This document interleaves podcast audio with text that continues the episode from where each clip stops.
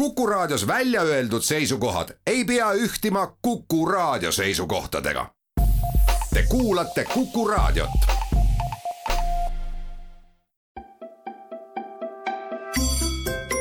haridusmõte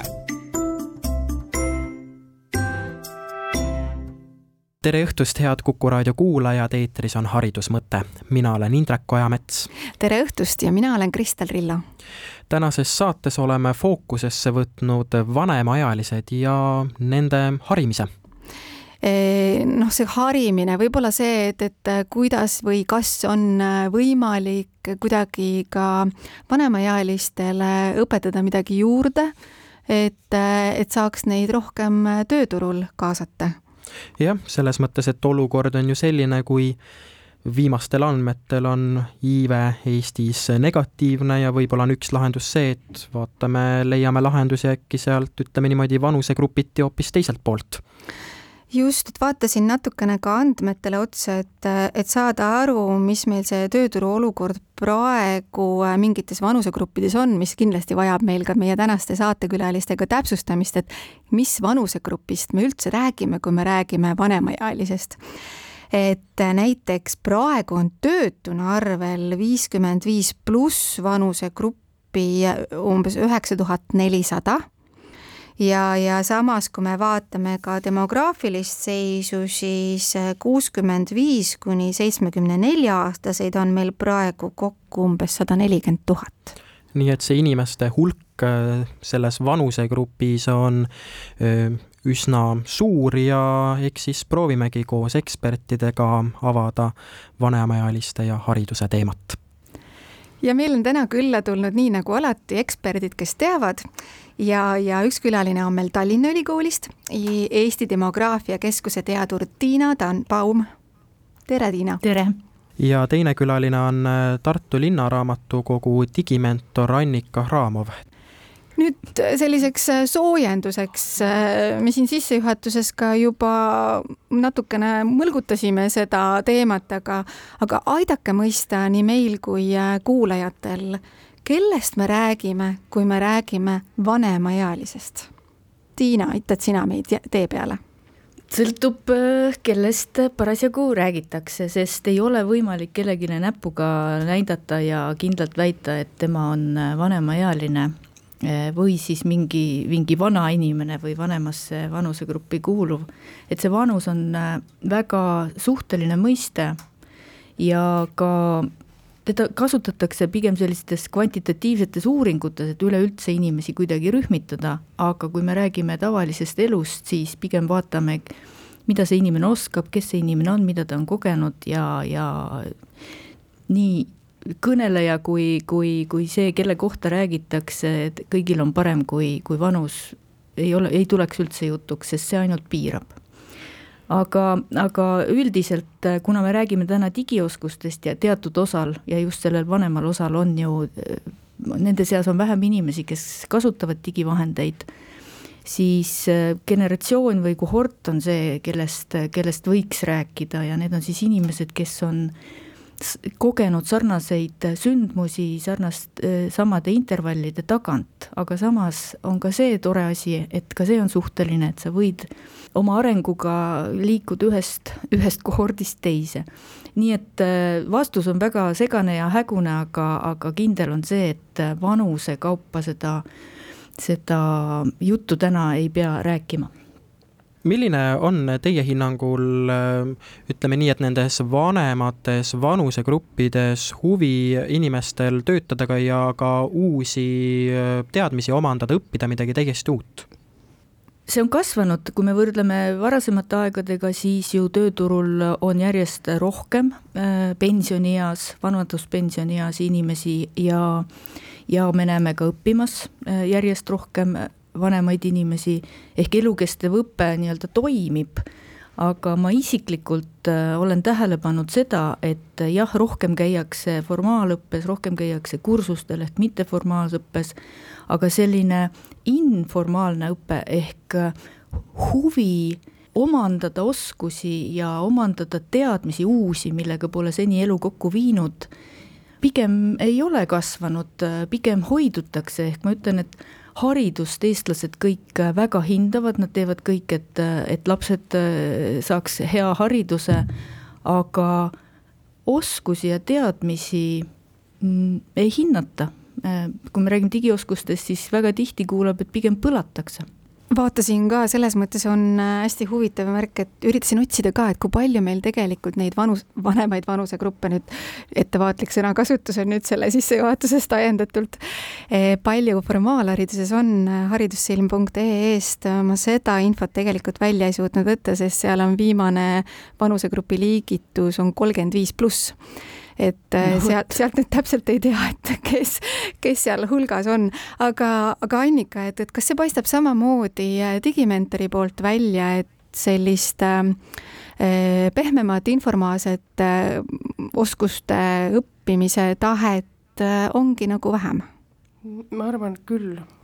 ma tegelikult mõtlesin oma kogemuse peale, et minul on tulnud õpetada see põhine, põhiline eavahemik, noh kuigi me väga ei taha sellest rääkida, aga põhiline eavahemik, kes on minu poole pöördunud, on tegelikult äh, seitsmekümne ja kaheksakümne vahel. et sealt eest on äh, palju vähem inimesi, kes pöörduvad, et nad küll külastavad raamatukogus näiteks internetiklassi ja proovivad ise hakkama saada või küsivad selliseid äh, ütleme, pisiabi, aga niimoodi, et ma võtan kätte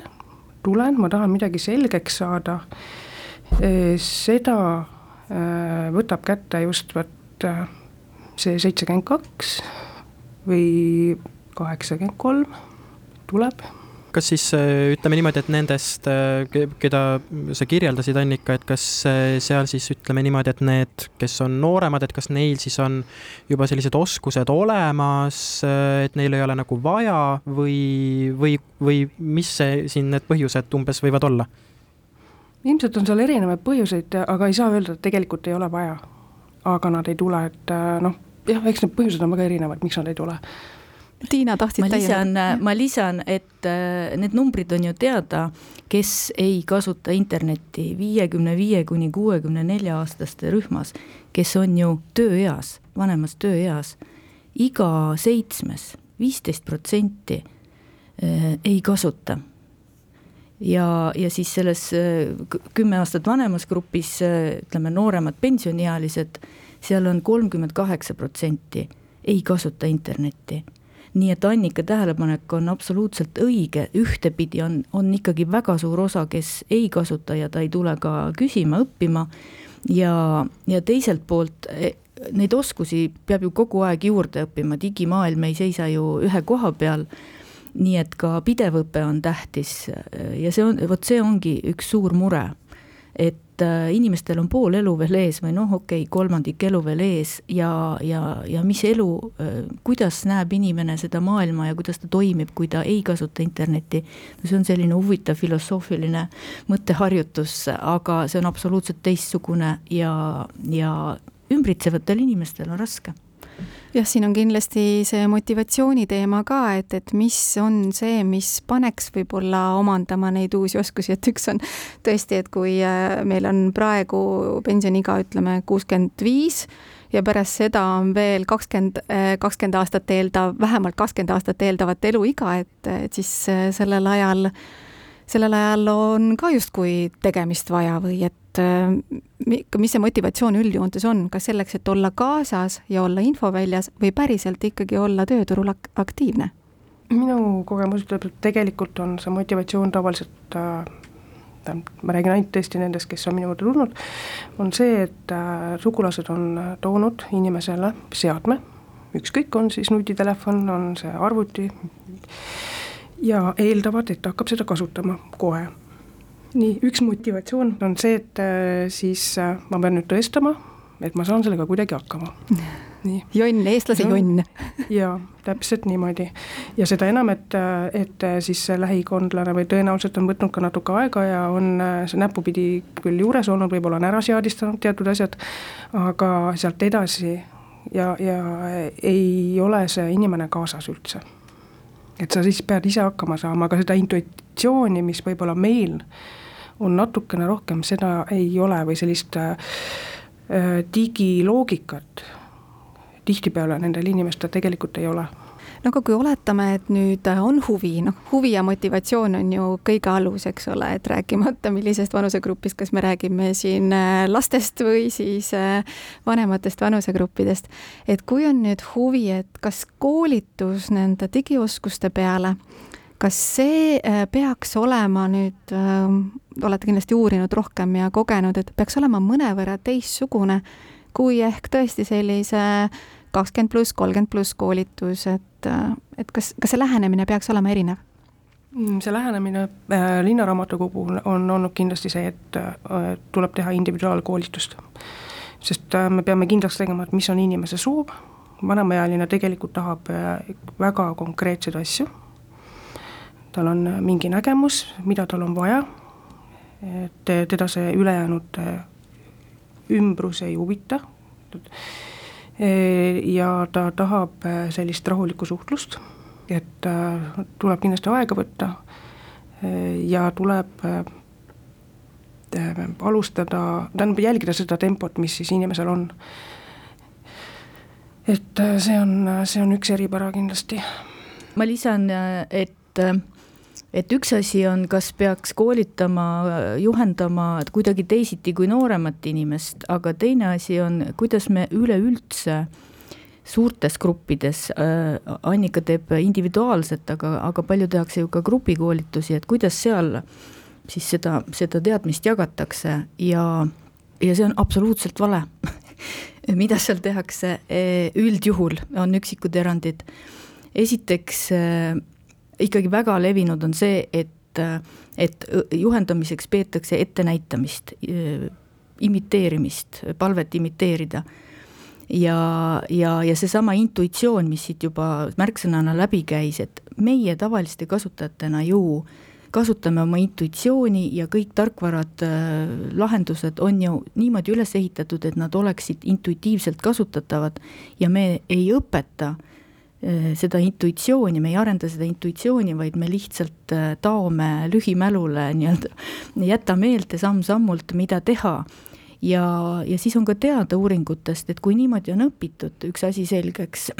ja niimoodi saadakse selgeks, kui on kõrge motivatsioon, aga kui see keskkond natukene muutub, äh, siis ei ole inimene enam võimeline oma oskusi uues natukene muutunud keskkonnas rakendama ja see on see, et kui tarkvaralt tuleb uus versioon, pisut on pilt teine, ollakse nagu nullis tagasi. Saan ma, äh, Tiina, sinu jutust aru, et äh, niimoodi suures grupis äh, sellist digioskuste õpetamist just nimelt vanemates vanusegruppides ja noh, neile, kes ei ole varem selle maailmaga kokku puutunud, et see ikkagi väga ei tööta, et see peaks ikkagi olema individuaalne õpe siin oli nüüd kaks küsimust äh, üheskoos, kõigepealt on absoluutselt vale õpetada päris algajaid, päris nulle ja noh, natukene äh, teadjaid ühes grupis, sest need on absoluutselt erinevad äh, lähenemised ja erinevad vajadused nendel õppijatel. ja, ja suures grupis jah, mina ka näen, et, et see, mis raamatukogudes digimentorid teevad, see on ainuõige, sest kõik vanemas eas inimesed, kes tulevad äh, digioskusi omandama, nad on absoluutselt erineval äh, stardipositsioonil, kõikidel on mingisugune oma, oma arusaam, oma keel, omad oskused ja ka omad vajadused ja tahtmised, mida sealt õppida. ja see ei ole standardiseeritud teine asi on, kui minnakse õppima töö pärast ja näiteks sellel töökohal on mingisugune tarkvara, mida kõik peavad omandama, siis on kõigil ühed samad vajadused. aga, aga üldiselt äh, on lahendus individuaalõpe. teeme nüüd siia jutuajamisse väikese pausi ja peagi oleme tagasi. haridusmõte no tere tagasi kuulama Haridusmõtte saadet ja täna räägime vanemaealisematest ja, ja oskuste arendamisest. nüüd, nüüd selles mõttes esimeses osas sai äh, teadja käest kuuldud, et noh, et kellest me tegelikult räägime, kui me räägime vanemaealisest, et siin tegelikult selget piiri ei ole, nüüd selle termini kasutamine teeb üsna ettevaatlikuks rääkimata sellest, et kas äh, mingil hetkel on kohane kasutada ka sõna eakad, mida me ka tihti kuuleme, et aga ärme siin praegu rohkem terminoloogiasse mine. Äh, räägime edasi rohkem sellest, et mis on need digioskused, mida võib-olla vanusemate, vanemates gruppides äh, õpetatakse või õpetama peaks ja, ja milleni siis see omandatud digioskus viiks Tiina, et äh, mis on siis, kui me räägime digioskustest, siis äh, laiemalt äh, me võime mõista seda erinevat pidi, kas sellest, et kuidas infoühiskonnas ellu jääda, kas seda, et kuidas kasutada arvutit või hoopis, et kuidas hakata programmeerijaks. millest me räägime? Digioskused on väga hästi kirjeldatud, süstematiseeritud, täpselt nagu keeleoskuste tasemed, me oleme kuulnud A ja B ja C. see on digipädevusmudelid, et kõigepealt on info- ja andmekirjaoskus, siis on suhtluskoostööoskus, digisisu loome, turva ja probleemi lahendus. ainult et äh, selline süstematiseerimine on kohane, kui me räägime noh, mingisugusest töö, tööalasest õppest või no see on välja kasvanud, see liigitus on välja kasvanud õpetajate, õppijate koolisüsteemist. aga kui me räägime vanematest inimestest, kes tahavad ja peaksidki õppima ja, ja nad enam tööturul ei ole, siis ei ole kohane sellist paketti neile nii-öelda lauale panna, ometi ma näen neid kursuseid, mis on välja kuulutatud, silt on juures algajatele ja siis on ühe nädalaga kõik need viis gruppi käiakse läbi, ühe nädalaga algajatele. siin on ette teada, et see on surnult sündinud ettevõtmine. ja mis ka omakorda näitab jälle, et, et õpetamine käib ettenäitamise teel. aga see selleks aga võib-olla aitab üks teine liigitus paremini, mida mina ka kasutan, et on olemas sellised madalamad internetioskused ja kõrgemad internet, internetioskused madalamad on nupu ja navigeerimise eh, teadmised ja kõrgemad on siis eh, sellised strateegilised ehk eh, sisuloome ja seesama, ma, ma kasutan digilahendusi iseenda eesmärkide täitmiseks. Aga siin on väga tähtis teada, et need on hierarhilised noh, need oskuste liigitus on hierarhiline, see tähendab, et sa ei saa kõrgemaid kasutada ilma, et sul on madalamad omandatud. ja teine asi on, et madalamate oskuste juures, nende omandamise juures on vaja juhendajat ja kõrgemaid oskusi, kui tal need madalamad on olemas, eks ole, hierarhiline, kõrgemaid suudab inimene ka ise enda juures arendada. ehk seesama intuitsioon on juba tekkinud et, et me peaksime ennekõike tegelema nende madalamate internetioskuste juhendamisega ja sealt edasi, noh, võib-olla on aeg-ajalt ainult tuge vaja, aga ta leiab selle toe siis juba ise. Aga meem nagu jah,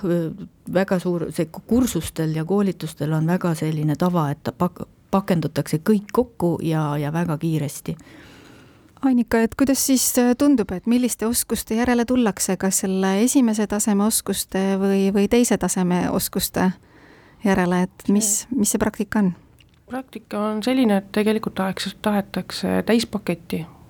Et kuigi Näda, nädalaga kogu mudel jaa, jah mm -hmm., põhimõtteliselt küll, et äh, noh, et kui see julgus on juba kokku võetud, et ma nüüd tulen, et siis minu ootus on see, et ma lähen sealt äh, välja oskustega mm, -hmm. ma suudan, teen, sest et äh, noh, kas või seesama sotsiaalmeedia või suhtlus äh, lähedastega, soovitatakse kasutada Facebooki, mul äh, tütar, ma ei tea, lapse, laps on Facebookis, ma tahan temaga suhelda, ma tean, et on mingi vahend, me jõuame selle Messengerini, et tõesti, on võimalik nutiseadmesse panna Messenger, selle kaudu suhelda, aga see trükkimine sinna Messengeris ei ole üldsegi kerge. Kas just see suhtluse pool on äh, just üks olulisemaid eesmärke, miks äh, näiteks sinu juurde, Annika, üldse koolitusele tullakse? See on üks põhipõhjus jah, tegelikult. ja mitte perioodika internetist lugemine näiteks või elektritoetuse taotlemine või panga kasutamine? kahjuks mitte, kahjuks mitte, sest äh, tihtipeale me põrkutakse näiteks meedia puhul ju selle lause ette, et, et siit edasi saab lugeda tellija. ja inimene loobub et kui ta loeb need kolm näolit ära ja see kordub ja kordub ja kordub, ta enam ei lähe äh, artikleid otsima või, või, või seda infot sinna saama. et siis ta pigem vaatabki Aktuaalset Kaamerat õhtul televisioonist või kuulab raadiot. Tiina, tahtsid täiendada? jaa, ma äh, küsin Annikalt, et kui palju on äh, sinu õppijate seas mehi? väga vähe. täpselt et võib vägagi nii olla, et kui interneti digivahendite kasutamisel on selline nagu müüt või arvamus, et see on pigem suhtlemiseks Äh, ennekõike suhtlemiseks, äh, siis, äh, siis see võib ka näiteks peletada teatud inimesi, kes, kes üleüldse ei ihka kogu aeg hommikust õhtuni suhelda. ja, ja see tähendab ka, et ta justkui arvab, et midagi muud mm, toetavat head ta sealt ei saagi räägin, räägin oma isa näite, kus, kus ta ka mitu aastat ei, nagu põrkas tagasi, et tema seda õppima ei hakka ja kui ta siis ükskord hakkas, siis ma sain aru, et ta oligi aru saanud, et äh, kõik see arvuti ja interneti asi on suhtlemiseks ja tema seda ei, ei tahtnud. Ja siis ta avastas sealt foorumit, äh, Google Maps, kus sai lennata nagu lennukiga ringi mööda maailma, kakukaamerat jah, need auto parandamise foorumid, ehk see maailm on ju lõputu, aga see kilp seal ees, et justkui suhtlemine peab seal ette ja taga olema, võib peletada inimesi. ja teine äh, märkus siin või, või, või lisandus, et, et äh, elektritaotlused või elektrikulu toetus Äh, see, selle, seda peaks ka silmas pidama, et inimene ei õpi siis, kui ta parasjagu lahendab mingit väga pakilist, ajakriitilist äh, probleemi. ehk äh, kui ma tahan õhtul minna rongile ja ma elus esimest korda kasutan siis internetist ostmise võimalust, siis ei ole vaja arvata, et nüüd, kus ta seda nägi ja tegi, et järgmine kord oskab ta juba ise ega õppimiseks tuleb aega võtta ja rahulikult asju läbi teha, mitte siis, kui sul on probleem kuklas. Siiski üks pool, mis võib äh, natukene peletada inimesi ära sellest äh, õppimissoovist, on teatav hirm digimaailma ees, seetõttu et ikkagi siit-sealt äh, kuuleme, et kuidas internetis on näiteks mingisugused petturid, kes võivad kõik raha äh, ära võtta, on ka arvutiviirused ja kõik muu selline, et, et kuidas sellistest, äh, sellistest digimaailma hirmudest üle saada, et inimesel ikkagi oleks äh, soov omandada teadmisi digimaailmast? ma lisan siia juurde veel, mis on näiteks ka laste hulgas üks oluline põhjus olnud mingites uuringutes, on see, et digiasi on kallis, mul on hirm see katki teha, et kas hmm. need hirmud, kuidas need paistavad? hirme üksjagu, võib öelda. võib-olla see seadme lõhkumine või mitte isegi lõhkumine, vaid ütleme, et see valesti käitumine, äh, millegi valesti vajutamine. et nüüd mingi programm läheb untsu, et äh, see hirm on küll. Äh, aga nii hämmastav see ei ole, ma olen mitu korda selle peale mõelnud, et seda hirmu, et ma satun sealt mingi petturi otsa, et ma satun mingi õngitsuskirja otsa, seda on äärmiselt vähe. et palju rohkem võiks olla, aga tegelikult äh, nii palju, kui minu poole näiteks on pöördutud, ei ole selle teema kohta üldse mingisugust huvi üles näidatud, et ma olen küll üritanud sinna vahele pikkida seda ja hoiatada teatud asjade eest, aga aga sellist huvi inimesepoolset äh, noh, et, tõesti me meediast igalt poolt kuuleme neid juhtumeid äh,, seda ei ole. ühtepidi see on ju hea, äh, ma olen toonud liiklusega paralleeli, et äh, ma arvan, et need, kes kardavad lõhkuda, petta saada, nemad Annik, Annika juurde ei jõuagi, sest nad ju kardavad. ja see, et digimaailmast rääkides on ikkagi kõige rohkem kuulda just seda negatiivset poolt, üks on siis petta saamine, aga ka kuidas ta raiskab aega närve,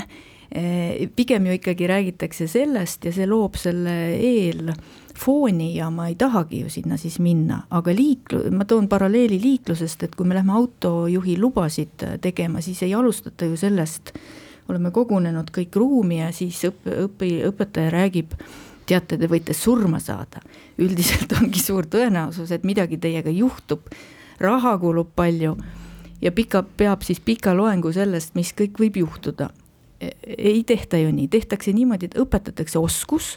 ja räägitakse kõrvale, mis on riskid ja kuidas sa käitud siis, kui need riskid avalduvad ja kuidas sa selle kriitilise olukorra lahendad.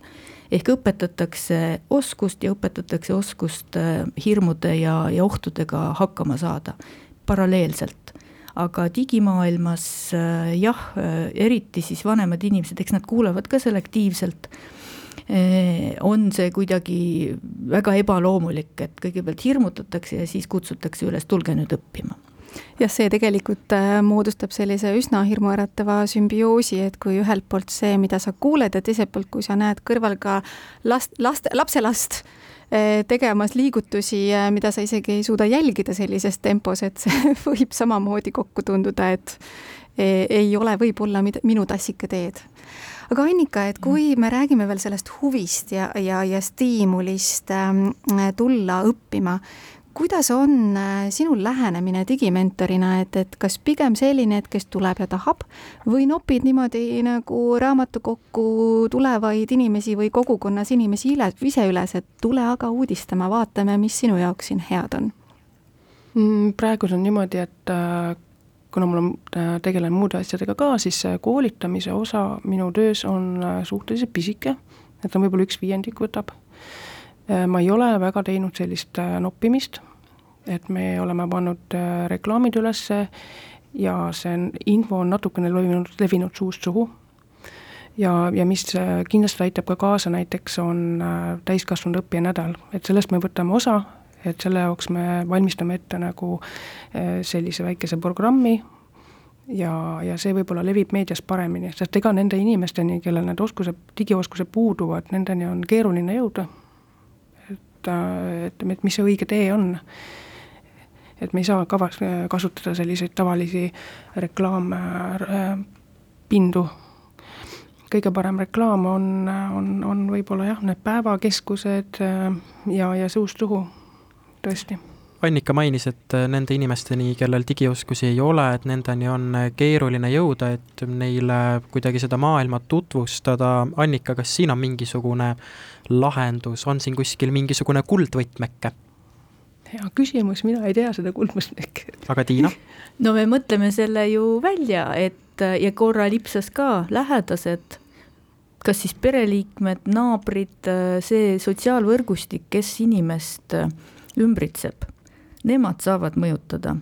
kui see seni, senimaani ei ole see tahtmine endal tekkinud või vajadus. Aga uuringud ütlevad, et miks on see, mis on see põhipõhjus, miks ei õpita, miks ei alustata. oskuste puudumine ehk seesama surnud ring tegelikult, ma ei lähe õppima, sellepärast et mul ei ole oskusi. ja siis see suur kar-, karjuv vajadus ka aga need lähedased ja ma jälle, minu roll on siin täna olla selline kriitiline, eks ole, kõik, kõige suhtes, et lähedased väga tihti teevad karuteene, kui nad teevad need asjad eest ära, mida siis üks tavaline kodanik, mis sest, et kõrgemas vanuses peaks ju ise tegema. ja nüüd vastupidine näide oli see, et kui noh, hea, kui kingitakse see vahend ja hea, kui inimene teab, kuhu ta selle vahendiga siis läheb, et saada seda, seda sammu edasi raamatukokku või päevakeskusesse see on nagu teine pool, et sa stimuleerid, kuule inimene, sa pead ühiskonnaga kaasas käima ja, ja ma isegi ei, ei, ei, ei ole seda, seda meelt, et nüüd lähedased peavad ka selgeks õpetama selle, sest see on pikk protsess ja väga tihti seda ühist aega nii palju ei ole ja, ja peabki olema äh, see koht sinu kodu lähedal, kuhu sa, kuhu sa saad oma küsimuse ja, ja õpetuse tahtmisega pöörduda. Nii et, aga jah, et mis hoiab eemale, hoiab eemale, et ei tunnetata seda vajadust minule isiklikult ja, ja teised, kes siis peaksid väliselt motiveerima teda, pigem kah siis tegutsevad risti vastupidi, et oh, sul ei olegi vaja. jah, ja siit tegelikult seda loetelu, et hea, kui on lähedased et kes tegelikult seda, eh, seda toetust annavad, kas siis teele asumisel või ka teel olemisel. Eh, üks ma, ma lisan siia, et, et need lähedased on, ma mõtlen laiemalt, et eh, see suhtlusvõrgustik üldse, olgu need siis naabrid või, või mis iganes võrgustik, aga selge on jah see, et üksilda, üksildusse tundega inimesi või üksildasi inimesi on tõesti meil palju, et ei olegi seda suhtlusvõrgustikku üldse. aga kui nüüd äh, lõpetada seda teist osa meil vaadates sisse just, et mis need digioskused on, et kui nüüd siiski peaks kuskilt äh, teele asuma, et mil, mis on minu teadmisesse mingil hetkel jõudnud, et Tiina, sa nimetasid erinevad oskuste plokid, et suhtlus, info otsimine, probleemi lahendus, sisuloome, äh, ohud. et ohtudest pigem ei alustaks, eks ole, et et ma olen aru saanud, et üks nendest on olulisem, mis on just see info otsimine, mis võib viia kõikide teiste vajalike oskusteni ka. kas see on nii, et, et anname nii-öelda õngena info otsimise oskuse?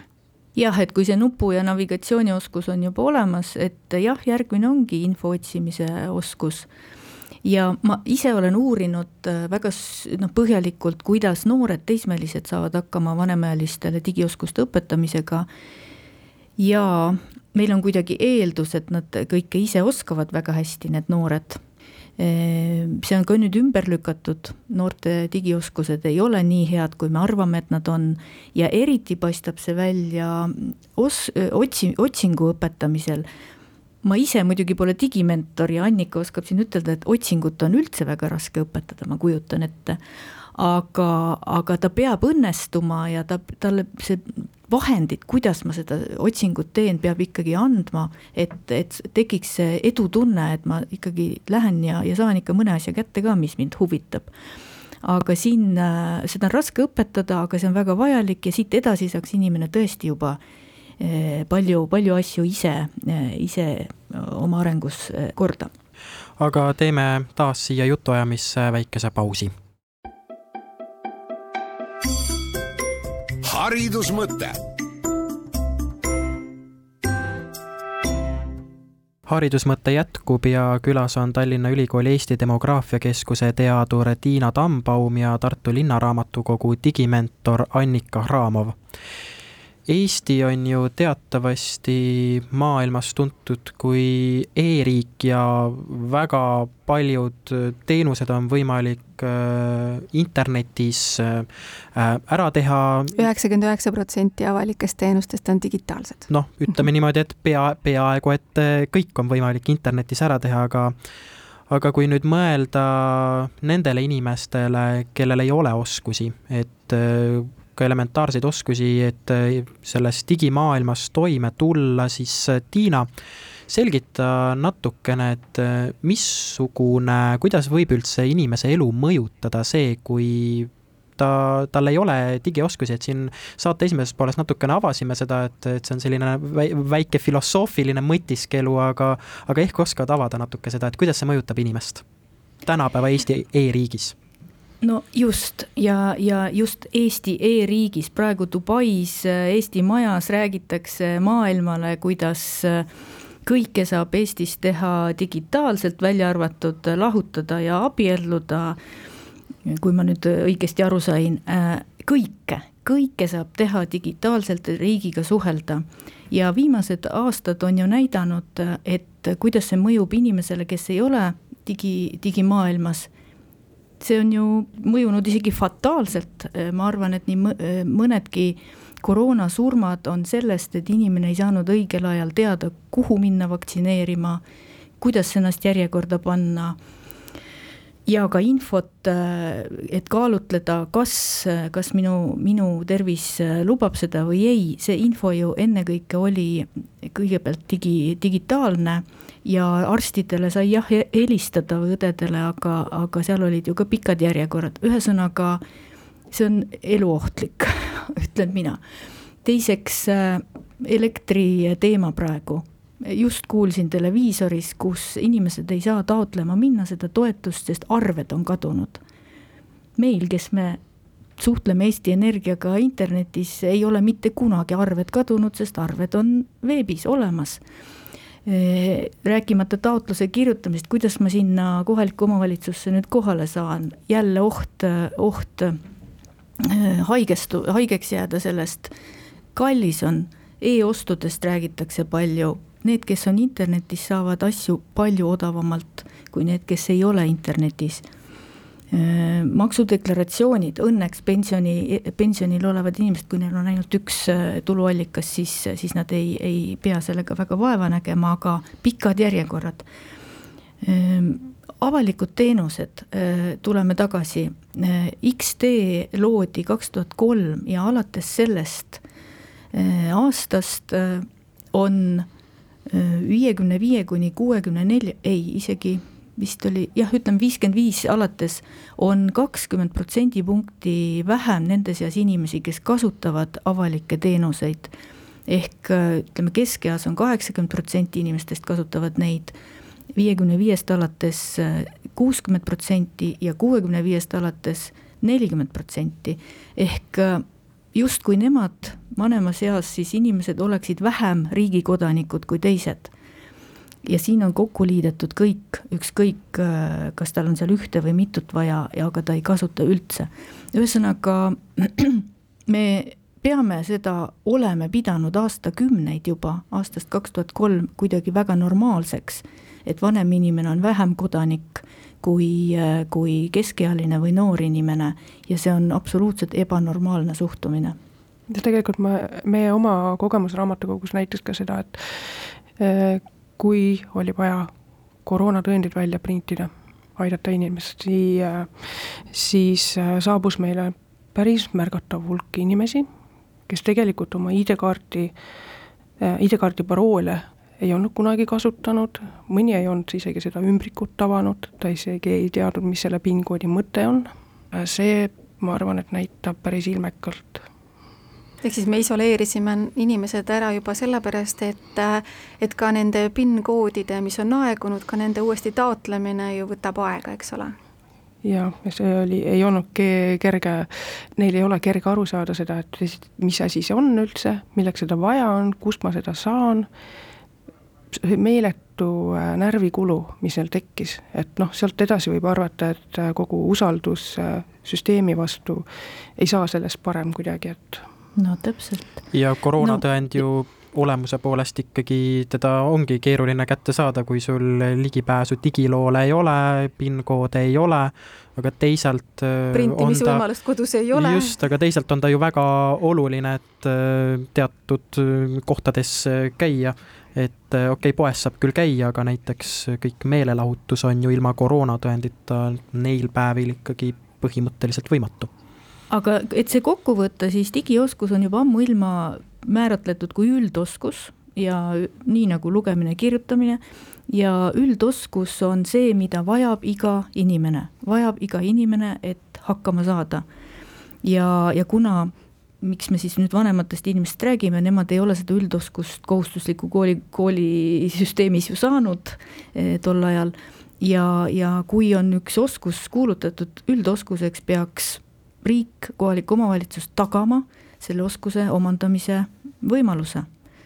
aga seda ei ole, selle peale ei ole mõeldud ja pigem siis vastupidi, et et peetakse normaalseks, et sa astud digimaailmast eemale ja ei topi oma nina sinna. aga tegin ühe väikese sellise harjutuse, et avastasin internetist, internetist oma otsinguoskusi kohaldades sellise vahva kalkulaatori nagu pension.sotsiaal, sotsiaalkindlustusamet.ee kaldkriips kalkulaator ja seal oli võimalik ähm, arvutada mul välja, et millal mina pensionile jään, sest alates kaks tuhat kakskümmend seitse läheb see sõltuvas, sõltuvusse minu sünniaasta nii-öelda eeldatava elueaga. nii, sain teada, et mina saan tõenäoliselt pensionile kuuekümne seitsme aastaselt. praegu siis on naistel, eks ole, kuuskümmend viis nii, ja siis vaatasin järgmise arvutuse, et siis mul eeldatav eluiga on veel umbes pluss kakskümmend viis aastat et no ma ei tea, praegu tundub küll nagu väga sürreaalne, et see kakskümmend viis aastat jalad seinal olla, võib-olla saab nii olema, aga, aga mis on ikkagi need praegu äh, vahvad, põnevad ja toimivad võimalused jääda tööturul aktiivseks? et kas siis uute tööviiside või siis oskuste koha pealt, et oskate neid jagada, et kuidas need parimad praktikad praegu on?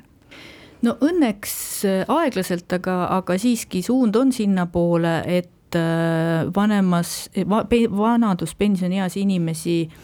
äh, hoitakse, oodatakse tööturule ja õnneks ka on võimalik järjest rohkem vähenenud töökoormusega, noh, mitte viis päeva nädalas, vaid, vaid vähema koormusega töötada, mis on väga hea ja sobib. aga kui me räägime digioskustest, siis ikka veel tööandjad eeldavad, et nad saavad sellesama üldoskuse ehk digioskusega inimese, kui tööl seda vaja on Äh, et ne-, nende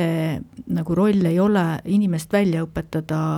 ja anda talle selle, see põhise üldoskus, vaid noh, kui vaja, siis annab spetsiifilised oskused tööks. aga OSCD on juba kolm-neli aastat tagasi ütelnud, et, et see asi peab muutuma, et tööandjad koos riigiga peaksid võtma ühise vastutuse, et töötajaid koolitada ka, ka nende baasoskuste, üldoskuste äh, anda neile ka need, kui need, kui on seda vaja, sest muud moodi see nihe ei toimu. Ja kui rääkida, et see, et noh, et praegu on see niimoodi, et meil on suured osakaalud, kes ei, ei ole digis, et võiks ju arvata, et äkki siis kahekümne aasta pärast on asi iseenesest muutunud, et alt tulevad peale generatsioonid, kes on äh, digivõimekad, aga see probleem ei kao, sest äh, need oskused äh, muutuvad kogu aeg ja on näidatud, et äh, mida rohkem on digivahendeid nagu jaetarbimises ehk, ehk inimestel kasutuses ja me näeme, et seda on järjest rohkem, seda suuremaks kasvab lõhe noorte ja vanade vahel. nii et meil siin ka, kui see süsteem, see toetus- ja õpetussüsteem ei teki, oleme me ise samasuguses hädas paarikümne, mitmekümne aasta pärast. Aga saate lõpetuseks äh, küsiks teilt, et äh, kuidas siis võiks meil siin Eestis nende digioskuste arendamisega edasi minna? kuidas edasi minna? hea, mida võib siin täna ikkagi rõhutada veel kord, hea, hea asi on meil, et meil on raamatukogud ja nendes töötavad inimesed, kelle juurde võib sisse astuda ja küsida. ja see on nii olnud juba, sa võid mind parandada, aga viisteist, kakskümmend aastat halb on selle juures see, et kõik peavad seda loomulikuks, et see nii on meil raamatukogudes, aga ressurssi raamatukogudele selleks äh, ei anta. ressurss selles mõttes, et äh, need inimesed üldjuhul ei ole saanud äh, õpetust, kuidas olla siis juhendaja, see on neil tulnud ise välja mõtelda ja, ja ei ole ka, ma arvan, äh, ma ei eksi, kui, kui ütlen, et ei ole neil ka raha et seda tööd eraldi tasustada ja mis ka väga tähtis on, ei ole ka paljudel juhtudel ruume, sest ega õppija ei taha seal teiste nina all äh, õppida ja, ja siis tunnetada, et teised vaatavad teda kui, kui rumalat. ehk see peaks ikkagi selline privaatne protsess olema ja paljudes raamatukogudes ei ole selleks ka eraldi ruume E, nii et see raamatukogude digimentorite süsteem on hea, et ta meil on sellisena, nagu ta on olemas, aga teda tuleks e, nüüd siis e, tõsta kvalitatiivselt kõrgemale tasemele ja, ja ta, et see oleks tagatud absoluutselt igas raamatukogus, sest nad on meil toredasti hajutatud. ja kuidas edasi, siis juba te küsisitegi, et mis see parim viis õppida on ja, ja, ja individuaalõpe. Midagi pole teha, no või väikestes gruppides, aga ikkagi suhteliselt sarnaste vajadustega inimesed. Ja, ja, ja pigem siis individuaalselt saaks edasi. Ja, ja niimoodi, et sa ei pea neile kõiki, kõike ette äh, näitama ja laduma, vaid annad äh, ka võimaluse tal kodus ise ennast arendada. Ja see võtab siis äh, koolitaja või, või juhendaja seda mahtu vähemaks. Aga Annika, on sul midagi lisada siia Tiina jutule veel juurde? et praegu on tõesti niimoodi, et äh, kõikides suuremates äh, raamatukogudes on äh, inimesi, kes sellega tegelevad, teevad spetsiaalselt koolitusi vanemaealistele või siis nooremaealistele, seal isegi kuidas keegi jaksab, ressursse on, on nagu teda on tõesti aga, aga ma arvan, et raamatukogude aasta puhul oleks hea rõhutada seda, et, et need, kes veel ei ole käinud, et need tegelikult oskaksid ja teaksid ja tuleksid meie käest küsima. sest äh, kindlasti mingit äh, nõu või mingit tuge me oskame anda üks hea näide välismaalt on olümpiaskuul liikumine, kus koolid, neid oli seal palju, kuulutasid a la, et igal reedel kella kolmest viieni noormehed neiud ootavad ja tulge ja küsige. ja see oli aastast aastasse regulaarne paljudes koolides ja aitas väga palju aga selle mõttega tõmbame tänasele Haridusmõtte saatele joone alla. aitäh teile, Tiina ja Annika, et leidsite aega tulla Kuku raadio stuudiosse siit annaks võib-olla meile, meie kuulajatele kaasa, ka kuulajatele kui kodanikele ja, ja, ja tööandjatele, et ka ise panustama sellesse, et kaaskodanike digioskusi arendada, et või siis neile töökohti luua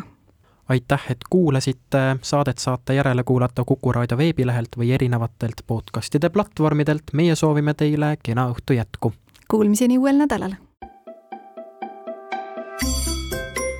haridusmõte